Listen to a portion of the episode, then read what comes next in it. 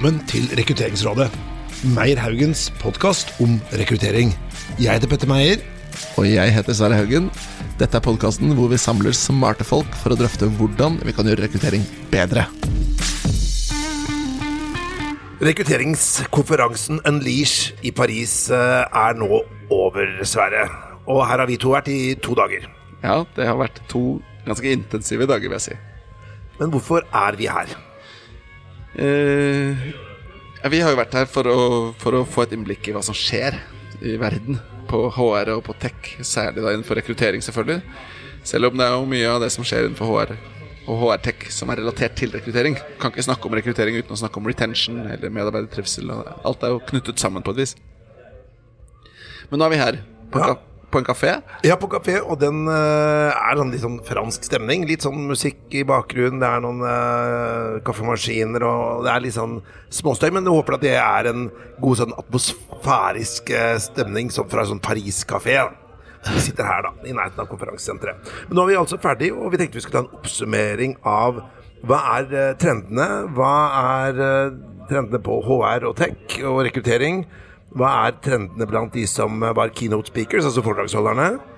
Og hva er trendene hos alle de hundretalls leverandørene som også var på denne messa? For det er en stor, stor konferanse. Det er mange er det 10 000, 20 000 deltakere. Det var kjempesvært. Ja. Og eh, det er jo et kjør. Det er jo masse inntrykk hele tiden. Men hvis jeg spør deg først, da, hva, liksom, hva sitter du igjen med som eh, hovedinntrykk? Ja, ehm, det jeg vil si er kanskje hovedinntrykket, da, er at man kunne selvfølgelig trukket fram Bob Geldof, som var keynote speaker. Han syns jeg hadde noen gode poenger. Man kunne også trukket fram um, alle de Hva skal jeg si? Vi hørte noen si at det var 28 000 leverandører av HR-tech. Uh, det kunne man trukket fram. Ganske eh, stort tilbud. Men jeg vil si at det jeg vil trekke fram, egentlig er dette her med Dette her med Dette med robotisering. Automatiseringen av intervjuer. Jeg var på en konferanse, foredrag i dag som pratet om når vil eh, robotene overta selve rekrutteringsprosessen? At det ikke er noen mennesker involvert. Kanskje på kandidatsiden, da. Gud vet. Men i hvert fall på rekrutteringssiden. Ja, og det, det, var, det fikk jo ikke jeg med meg, Fordi det er jo ganske mange både foredrag og, og, og stands, så man får jo ikke med seg alt. Men fortell veldig kort. Her var det altså flere leverandører av robotintervjutjenester som var i panel sammen. Ja, det stemmer. Det var uh, rekke, det var rekke selskaper. Og de, det de konkurrerte om, det var på en måte det som kunne lage da, den mest Hva skal jeg si? Den, den, den beste og mest prediktive eh, roboten for å intervjue mennesker. Og der fikk de et veldig godt spørsmål. og det var, Første spørsmål var hvilke stillinger i dag eh, tror du disse robotene kan eh, plukke ut den beste kandidaten? Bedre enn menneskelige intervjuere?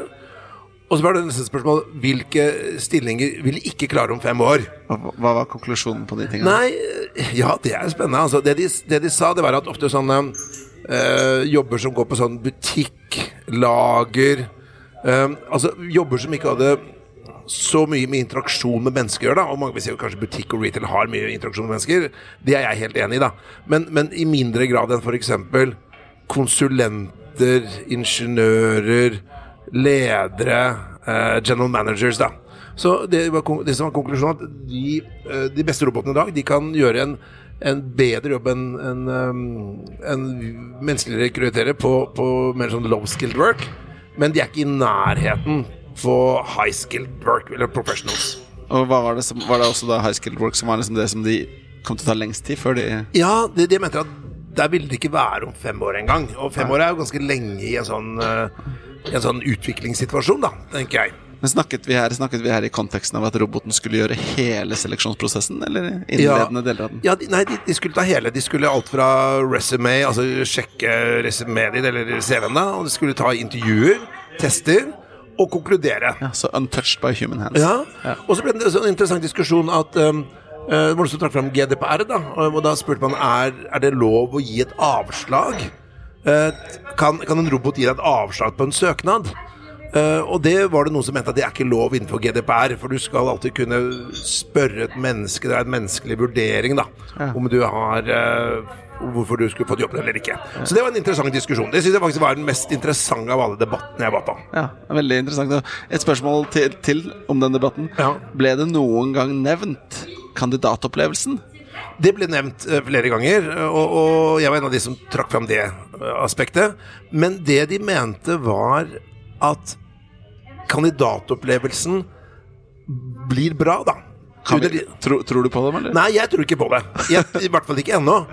Men det er jo mange eksempler på det som at, at eh, den nyanserte tilbakemeldingen for, for, for, Ofte når man sammenligner roboter og mennesker, så sammenligner man alltid at en, en, en uperfekt robot og et perfekt menneske. Men vi vet at det stemmer jo ikke, det heller. Nei. Til og med vi som er ganske erfarne rekrutterere, dessverre, vi er jo ikke perfekte, vi heller. Vi, vi kan ha dagsform, vi kan ha misoppfatte ting, det kan være fordommer, det kan være biases. Så så tankegangen var at disse robotene de kunne i større grad se bort fra alder, kjønn, etnisitet, eh, seksuell orientering. Det kunne være mange ting som, som vi bevisst eller ubevisst er med på å forme vårt inntrykk, men som de da ikke gjør, for de er ikke programmert slik.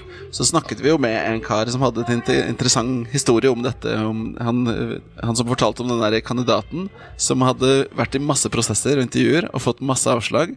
Og så var han i en prosess hvor det var en ren robotseleksjon.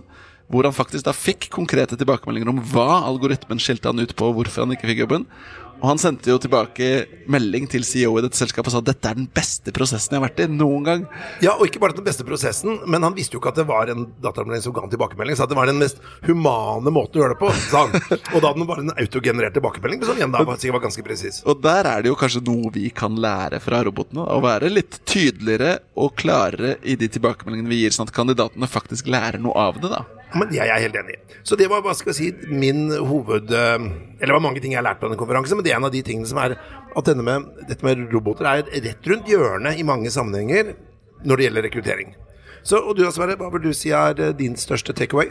Jeg vil si sånn overordna, så du kan si vi var på en leash i fjor, så, had, så så vi jo det at liksom Lisha, altså denne konferansen, rekrutteringskonferansen som Ja. er hvert år. Og da så vi jo sist vi var der, at det, det var denne bevegelsen i retning av kandidatopplevelsen, the employee experience. Og vår refleksjon da var jo at ja, det er fint det at de snakker om liksom kandidatopplevelsen og hvordan gjøre arbeidsdagen bedre for, for de ansatte, men fremdeles så er jo tech-industrien, var min konklusjon i fjor, tech-industrien er fremdeles mest opptatt av å gjøre jobben lettere for HR. De har liksom ikke helt tatt inn over seg dette skiftet mot kandidat- og ansattopplevelsen. Og i år så opplever jeg at nå har det liksom sunket litt mer innover dem. og At det er enda mer fokus på kandidatopplevelsen, eh, employee experience. Og at flere av aktørene kanskje har et faktisk fysisk fokus på det. For det ble jo nevnt eh, Det ble jo nevnt dette at disse store, disse store HR-leverandørene kanskje nå skjønte at dette var en viktig ting, fordi HR-systemene var bygget for HR, ikke for de ansatte. da. Ja, og så tror jeg også det at veldig mange, at det tvinger seg fram. da For det vi også hørte, det var noen refererte til den Manpower-undersøkelsen som har laget, gått gjennom nå i, i en, eh, mange titalls land. Og da, den konklusjonen fra den Manpower-undersøkelsen var visstnok at aldri eller i hvert fall ikke på de siste 50 årene, har det vært vanskeligere for nesten alle bedrifter å få tak i kompetent arbeidskraft. Så øh, Det betyr ikke at det er lav arbeidsledighet i Europa. I Europa er det jo en del, b- både her i Frankrike og Tyskland og England er det en del arbeidsledighet. Norge er det veldig lavt. Men her øh, Det går jo også på dette med, med at du er, hvis du skal få tak i den type kompetanse, så kan du ikke skalte og valte med talentene dine. Du kan ikke, du kan ikke behandle dem dårlig, for da vil de ikke komme til bedriften din. Ja. Så det, det tenker jeg det tvinger seg rett og slett fram ut fra en sånn demografisk uh, utvikling. da. Og så har vi jo, i hvert fall jeg, da snakket med veldig mange av disse tech-startupene. Og har prøvd å forstå hva er det egentlig de prøver å levere, og hvilket problem de prøver å løse. Og, da, og Konklusjonen min der er egentlig at det er jo for det første en enorm skog av tech-startups som gjør mye spennende ting. Det var hundrevis bare på den messen her. Ja, det var masse. De virker ganske like, syns jeg. Ja, eller i hvert fall så er det mange som sliter litt med å Eller det er jo en arena hvor folk skal selge. Ikke sant? Så de hopper jo rett inn i en pitch om hva produktet er, og hvordan løsningen er, og hvor briljant den er. Mens veldig mange liksom klarer ikke helt å formidle hvilket problem er det denne løsningen skal fikse. da Eh, Og jeg må jo si at de, de, de produktene eller tech-startupene som jeg tror mest på, og som jeg ser mest liksom verdien av, det er de som faktisk tar tak i et konkret problem og som har et grensesnitt og en applikasjon som er så enkel. Altså, du kan ikke overdrive hvor enkel UX-en må være. da Og liksom det skal være så enkelt at UX-en det er på en måte User experience, da. Ja. Mhm. Så for eksempel en av de tingene jeg la merke til i dag, som jeg synes var en veldig spennende startup, var en startup som hadde en, eh, en, et plug-in som du kunne legge i mailen, hvor du kan gi tilbakemelding internt til hverandre i mailen på Syns du denne mailen var bra, eller hva likte du ved den, eller syns du den var dårlig? Superenkelt. Alt du kan gjøre, er en mail, ett klikk. That's it. Og til slutt så vil du da få en tilbakemelding etterpå etter hvert at du burde være litt mer konsis i e-postene dine, eller Ja. møtene dine er bortkasta tid, eller Det er Ja. veldig, veldig interessant. Ja, og så tenker jeg en annen trend som jeg også så her. Da, det er bare at En ting er alle disse små startupene som starter dette, men, men jeg syns også at de store multinasjonale multimilliardkonsernene, de er jo veldig tydelig inne på dette området. Og det ene av forelagsholderne sa jo da at en av de største businessene innen, innen uh, IT, da, det var jo nettopp dette med HR. Tech, HR-støttede programmer. Så vi så alle de store, sånn som Oracle, SAP, LinkedIn LinkedIn har for vært på personsiden, men altså de, de skal lage store pro programmer der, da. Nettopp fordi det er den som er trenden. Men så var det Det var vel også Det var vel ikke bare bare å rulle ut disse der, for det var mye failure, da. Ja, det var jo en av de også som var veldig spennende. For? Det som, en av slagsidene på sånn konferanse det er jo veldig mange som skal selge produktet sitt, og de skryter jo uhemmet av, og det er så tipp topp på. Men så var det jo en, en veldig spennende foredragsholder, og hun sa det at eh, det som eh, Hun hadde gjort en analyse, og, og den, den skal hun publisere nå om bare et par uker. Så den gleder jeg meg til å lese. Det hun sa at eh, erfaringen med utrulling, da, implementering av HR-systemet, var at det var mye dyrere enn forventet. Det tok mye lengre tid enn forventet, og effekten var egentlig ganske dårlig. Det var sånn 17% som var fornøyd, var det? Ja, det var sånn, Hvis du tenker tid, pris, kvalitet, da. Prisen var alltid mye høyere enn man trodde. Tiden det tok å utrulle, var mye høyere. Og det du fikk igjen, det var egentlig ganske lite. Og jeg som er gammel IT-konsulent, må jeg tenke at da er det viktig å legge inn en god contingency da, når du begynner å estimere disse prosjektene hvis du skal implementere et HR-system. Ja, og, og det, det, hun, det hun sa, bare at det, hvis man allikevel skulle da se på øh, suksesskriterier for å implementere HR-systemer, så var det rett og slett den derre brukeropplevelsen, forankringen og Det er jo, høres ikke så veldig, drama, eller veldig nytt ut, akkurat det, for det er jo på alle ting. Men, men det å bare kjøpe et IT-system og bare implementere det, det funker ikke. Og de sa jo også at den vanlige HR-ansatte nå må forholde seg til vi har da 12 12-14 forskjellige systemer eh, for å kunne få ut HR-data som du trenger. Det er rekrutteringer, det er, det er eh, i forhold til payroll, og det er alle verdens mye systemer. Så det er ikke noe det, det var ikke noe sånn lys framtid for de som jobber med HR, syns jeg, da. Nei. Og så har, vi jo, så har vi jo vært så heldige at vi har fått lov til å snakke med noen, eh, noen spennende mennesker. Ja, underveis. og, fått, og ikke bare det, men vi har også tatt noen intervjuer Noen podkastintervjuer som vi skal slippe litt sånn kommende framover. Blant annet da om hvordan man kan jobbe med digital markedsføring i forhold til employer branding. eh, Og, og hvordan eh, hvor viktig relasjonsbygging er, hvordan du skal lykkes med search. Så det er mange spennende samtaler vi tar med oss. Absolutt. Men jeg har lyst til å komme tilbake til sir Bob Geldof. Han var da den store trekkplasteret her, og jeg må si at jeg var litt skuffet. Du var jo, men du var jo litt skeptisk på forhånd da? ja, jeg var det, og, og jeg tenker sånn at uh, heal the world og save the world, alt det der, de er veldig bra, Uh, men hva hadde han å komme med nå på en, en HR-tech-konferanse? da, ikke sant? Ofte er det sånn en person som de kan mye om, om sitt felt, men jeg sitter ofte igjen med inntrykk at de holder det samme foredraget uansett hvilken arena de er på. da. Men det jeg syns var interessant han hadde, uh, det var dette her med repurpose. Han pratet om bedrifter som da var startet for mange tiår siden, som da hadde et utelukkende et fokus på det å tjene penger, altså det kommersielle, og personer som gikk inn i business utelukkende for å tjene penger. Han mente det at det er ikke nok i dagens samfunn. Hvis du skal få ansatte, hvis du skal få kunder, så trenger du da å repurpose. Du må gå fra det kommersielle til at hovedårsaken til bedriften din er at du må gjøre noe godt.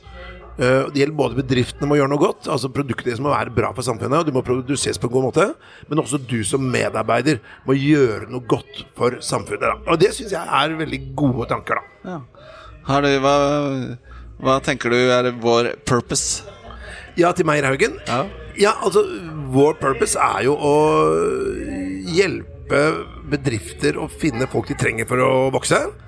Og hjelpe personer for å finne den jobben som er bra for deres liv. Og det er jo sånn som vi tenker, er at hvis vi ser at det ikke, at det ikke er rett, da hvis ikke det er en god match, hvis dette ikke er rett jobb for personen, så anbefaler vi jo ikke den personen å ta den jobben heller, selv om det kan på kort sikt være gunstig for, for oss. da. Ja. Så det er at vi ønsker å være en rådgiver oppi dette her også. Så er det jo Så er det jo sånn at det er vanskelig å oppsummere alle inntrykkene på sånn kort tid. Men jeg tenker nå, vi har jo sett mye kul teknologi, snakket med mange kule selskaper, og, og kommer tilbake litt klokere enn vi var. Eh, hvis noen har lyst til å vite mer, så er det jo bare å ta kontakt med oss. Altså, Hvis det er noe konkret man lurer på, eller noe man er nysgjerrig på, så kan det hende at vi har plukka med oss noen ting som kan være relevant. Ja, det er bare å ta kontakt med oss. Eh, finn eh, kontaktinformasjonen vår på hjemmesiden vår meierhaugen.no. Ring Sverre eller meg eller noen av de andre flinke medarbeiderne våre. Så tar vi gjerne en prat, gjerne over en kopp kaffe eller på telefon, og deler mer eh, inntrykk i mer detaljer. Ja, så er det bare å følge med, så kommer vi til å slippe noen spennende podkastsamtaler fra Unleash 2019. Ja. Ha det bra.